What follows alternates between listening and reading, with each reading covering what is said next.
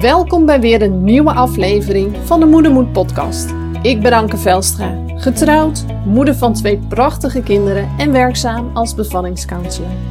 De geboorte van je kind is een van de meest bijzondere dingen die je kunt meemaken in je leven. Een ervaring die je leven voorgoed verandert en je hele leven zal bijblijven. Juist daarom is het belangrijk dat je met een goed gevoel op je bevalling kunt terugkijken. En dat is ook wat ik iedere vrouw gun. Helaas is bevallen niet voor alle vrouwen één grote roze wolk. En als er één ding is wat deze vrouwen met elkaar gemeen hebben, dan is dat dat ze zich enorm eenzaam voelen in hun ervaring. Met de Moedermoed podcast wil ik voor deze vrouwen een plek van herkenning creëren door het delen van verhalen van moedige moeders over bevallingen die anders liepen dan verwacht. Expert-interviews en tips en inzichten vanuit mijn werk als bevallingscounselor en als ervaringsdeskundige. Ik wens je veel luisterplezier, herkenning en mooie inzichten toe.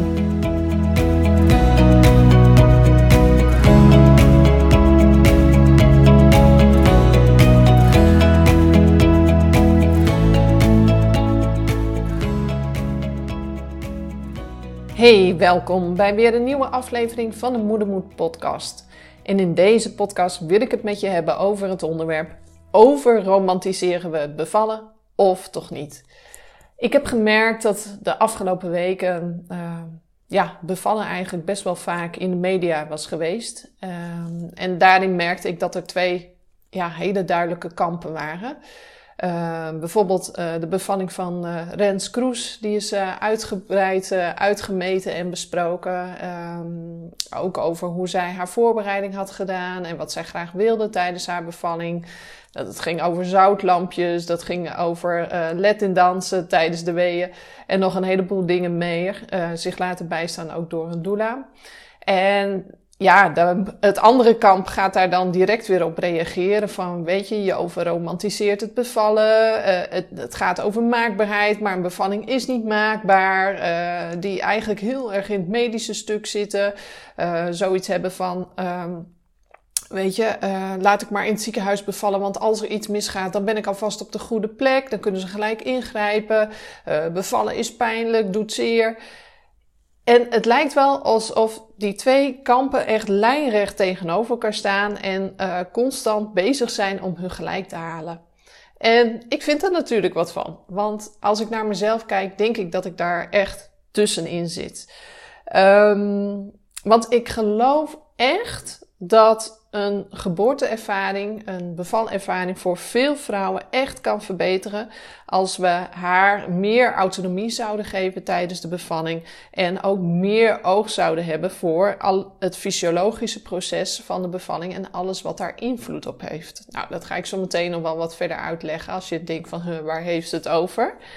En daarnaast vind ik het ook belangrijk dat we de realiteit niet uit het oog gaan verliezen. Uh, want tegenslagen en complicaties kunnen een ieder overkomen tijdens de bevalling. Dus ook jou. En het is ook goed om daar van tevoren bij stil te staan.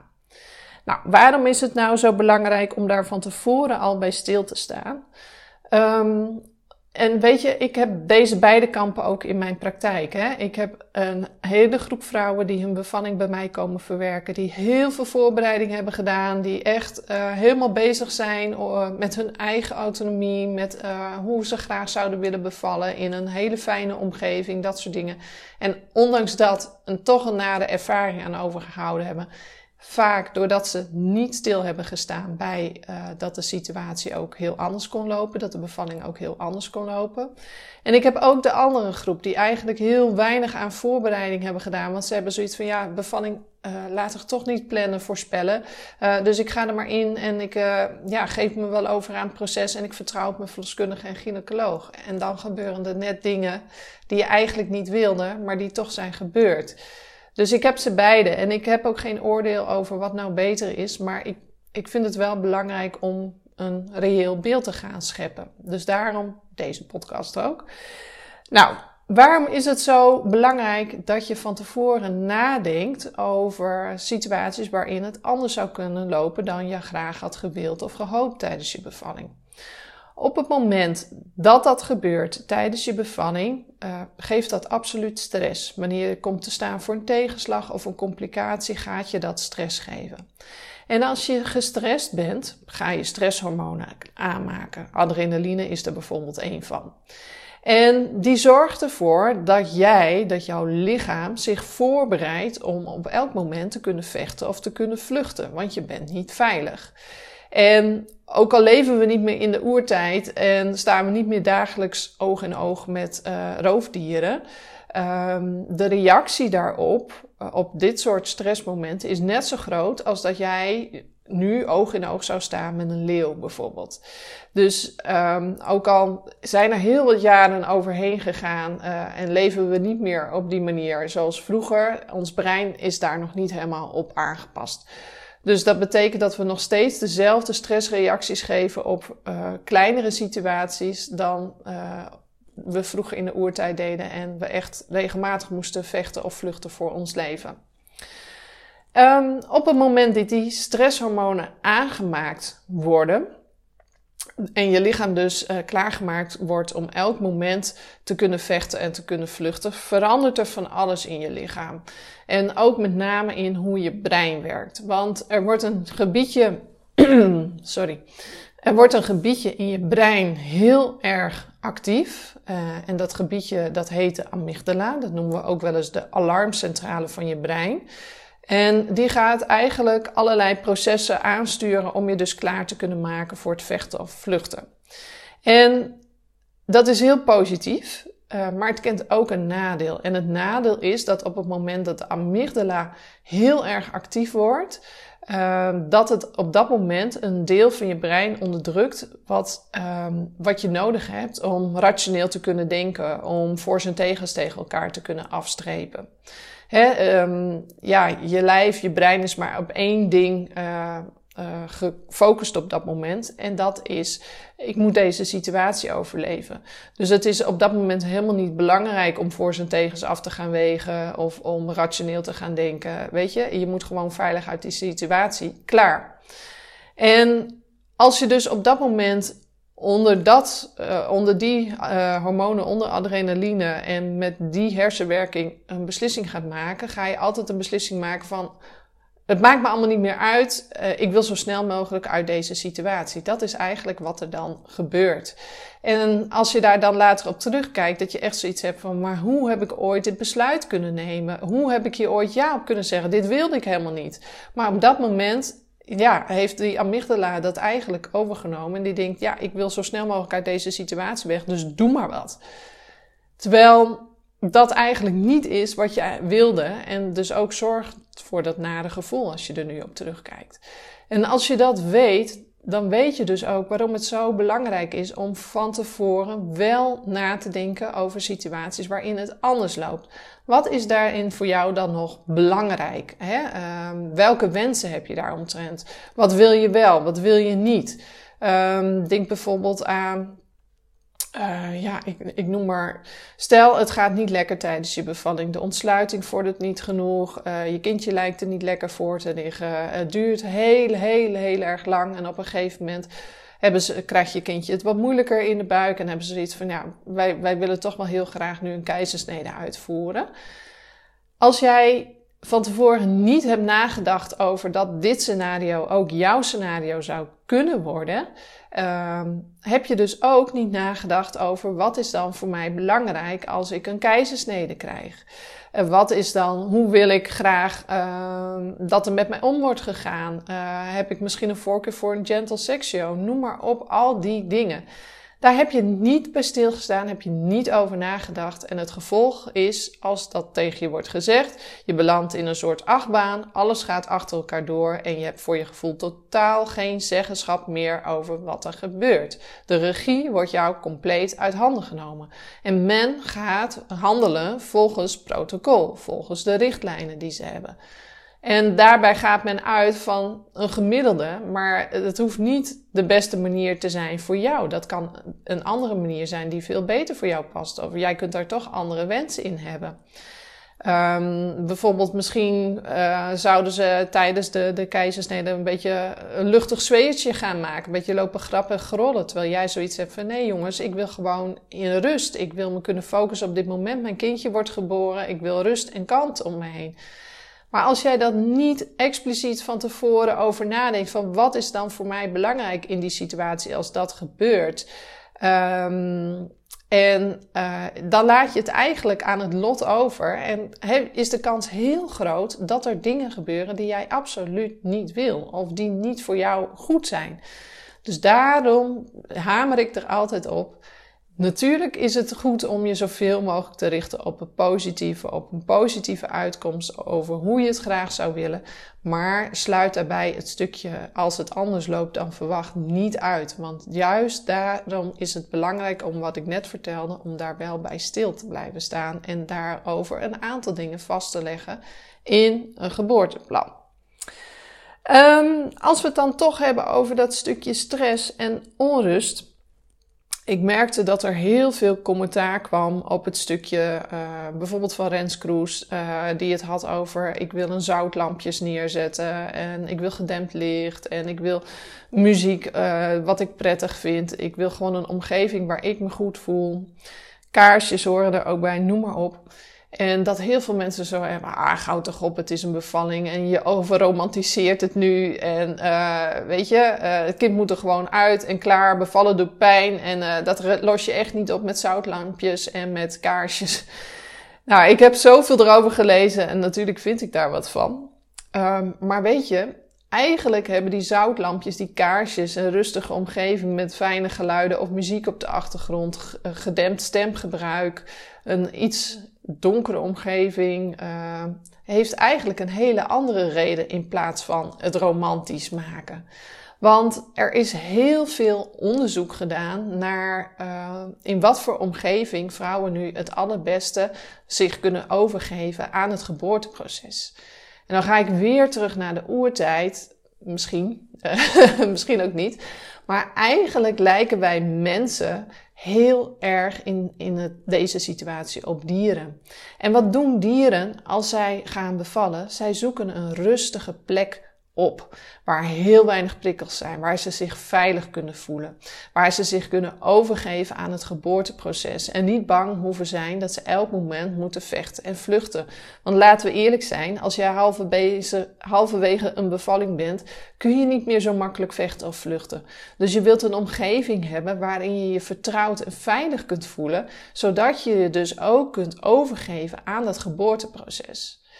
En hoe creëer je nou zo'n omgeving? Nou, alle prikkels die binnenkomen hebben invloed op de mate van hoe wij kunnen ontspannen en ons over kunnen geven aan het geboorteproces.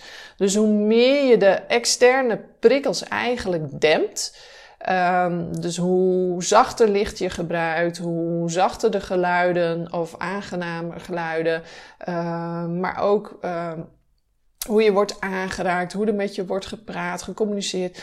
Alles draagt daaraan bij. Als je het gevoel hebt uh, dat, dat je naar je gekeken wordt, dat je geobserveerd wordt. Um, dat is ook een hele belangrijke hierin. Al die dingen die zorgen ervoor dat jij uit de ontspanning gaat, dat er adrenaline gaat aangemaakt worden. En adrenaline staat nou juist lijnrecht tegenover oxytocine. En oxytocine is nou juist het hormoon wat jij nodig hebt om je goed te kunnen ontspannen, over te geven aan het geboorteproces en voor een soepele bevalling. Dan zal de ontsluiting sneller gaan, dan zal het hele proces gewoon veel sneller en makkelijker verlopen. Dus het heeft eigenlijk niet eens zo heel veel te maken met uh, het romantiseren van de bevalling, maar het heeft vooral te maken met een omgeving creëren waarin uh, ja, een soepele, een fijne bevalling, uh, de hormoonaanmaak zoveel mogelijk ruimte krijgt. Dus dat is eigenlijk een hele andere insteek. En daarom raad ik het ook echt mijn cliënten altijd aan om een omgeving te creëren waarin zij zich fijn voelen. En dat is inderdaad met uh, kaarsjes, dat is inderdaad met zacht licht of een zoutlampje of wat dan ook. Dat is met een kussen of een, een dekentje dat heel zacht is en waar ze zich comfortabel bij voelen. Dat is met zachtjes praten, uh, uh, eventueel zachte muziek op de achtergrond. Dat is door middel van het inzet van geuren, bijvoorbeeld met uh, aromatherapie, essentiële olie. En toevallig heeft uh, iemand voor mij, een, uh, iemand, ik noem maar gewoon, je kunt haar vinden op, uh, op Instagram onder de Natuurmama. Terza heeft voor mij een aantal speciale blends samengesteld die ik kan gebruiken voor mijn cliënten tijdens de bevalling. Die ja, een bepaalde rust, gemoedstoestand bevorderen. Um, en uh, dus eigenlijk gebruik je alle zintuigen uh, om een zo fijn mogelijke omgeving te creëren. Hè? Je kunt ook met eten en drinken daarin werken. Uh, hè? Want dan proef je ook dingen, dan ruik je dingen, je, je ziet dingen, je voelt dingen, je hoort dingen. Dus je gebruikt eigenlijk al je zintuigen op zo'n manier dat er rust kan ontstaan. En dan zul je ook zien dat er veel meer ontspanning komt. Uh, dat je niet constant alert hoeft te zijn van, oh jee, ben ik mogelijk in gevaar? Uh, en dat heeft echt een positieve uitwerking op het geboorteproces. En dit is niet iets wat ik uit mijn duim zuig of zo, of uh, ergens uit een, uh, een of ander zweverig spiriwiri boek haal. Maar hier ligt gewoon wetenschappelijk onderzoek onder. Hier ligt gewoon wetenschappelijk bewijs onder dat dit werkt. Um, en daarom vond ik het ook zo belangrijk om te vertellen, dat, zodat je dat ook weet. En dat je je niet laat leiden door wat anderen daarvan vinden, maar dat je zelf ook weet, ja, maar het heeft ook daadwerkelijk een functie. Het is niet uh, een romantisch iets. Tuurlijk, als dat gebeurt, prima, draag bij. Ze zeggen niet voor niks, de manier waarop het kindje erin is gekomen, moet het er ook weer uit. Dus uh, een, ja, dat heeft absoluut wel invloed. Maar het heeft vooral meer invloed op hoe de vrouw zich kan voelen tijdens het geboorteproces. En hoe meer zij zich veilig en vertrouwd voelt, hoe makkelijker het proces zal verlopen.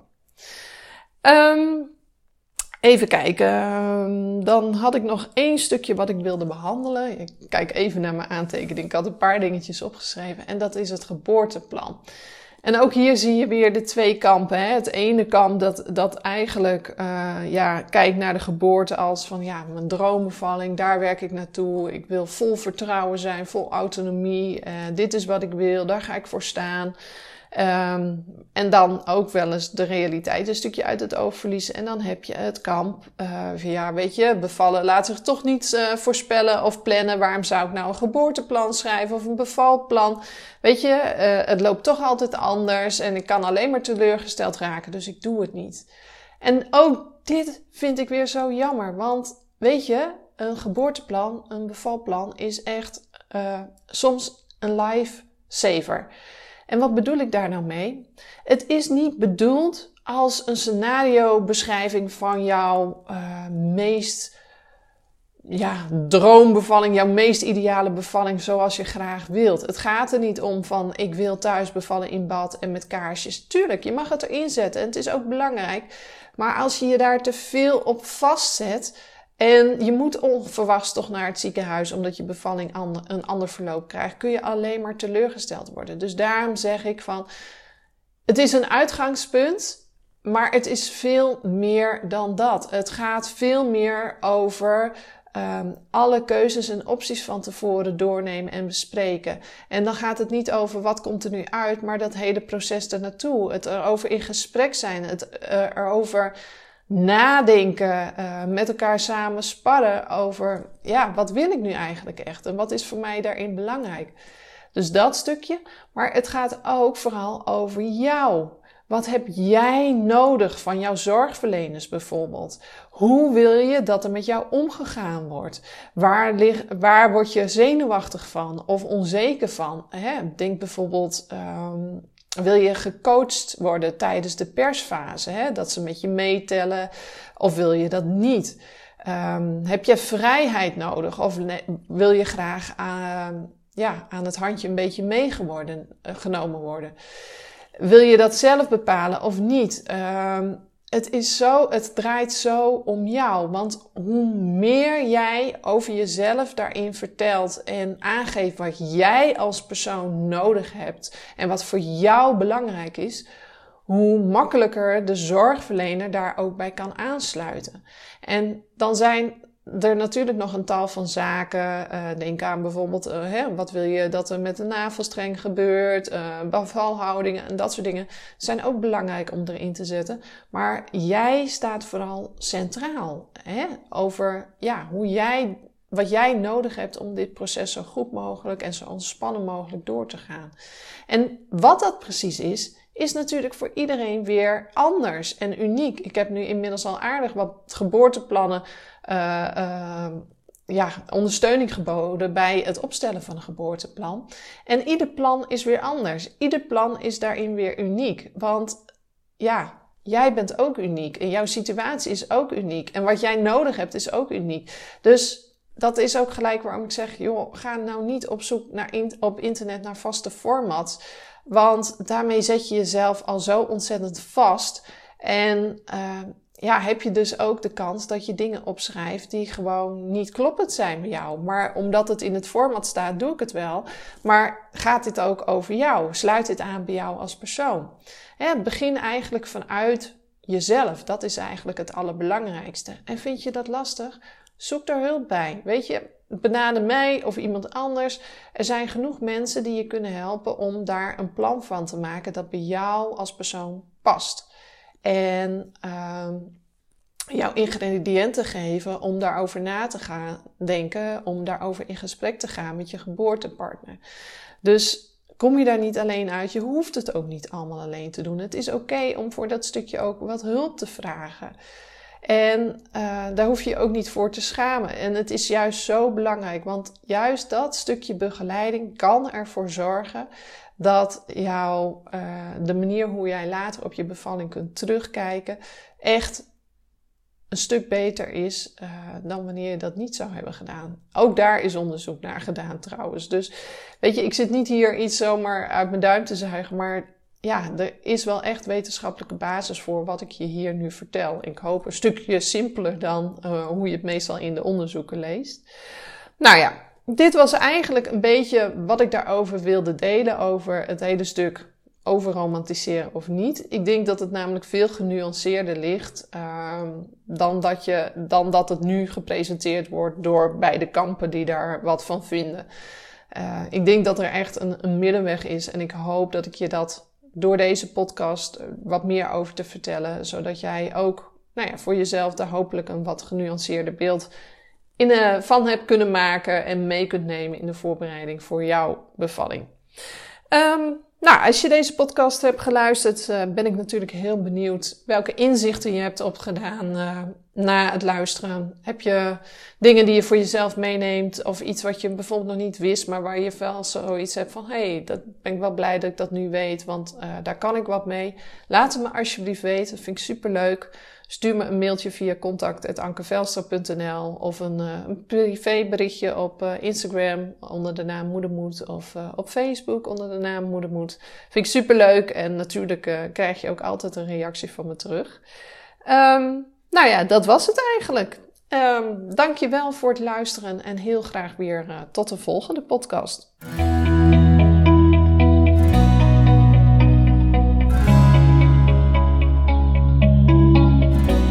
Bedankt voor het luisteren naar deze aflevering van de Moedermoed podcast. Vond je deze aflevering interessant en waardevol? Maak van deze podcast dan geen goed bewaard geheim. Bijvoorbeeld door een screenshot te delen via social media of stories en mij daarin te taggen, of door een review achter te laten op Apple Podcasts. Daardoor wordt de Moedermoed podcast nog beter gevonden en kan ik zoveel meer vrouwen bereiken en ondersteunen die zich nu eenzaam voelen in hun bevalervaring. Dankjewel alvast en heel graag tot de volgende podcast.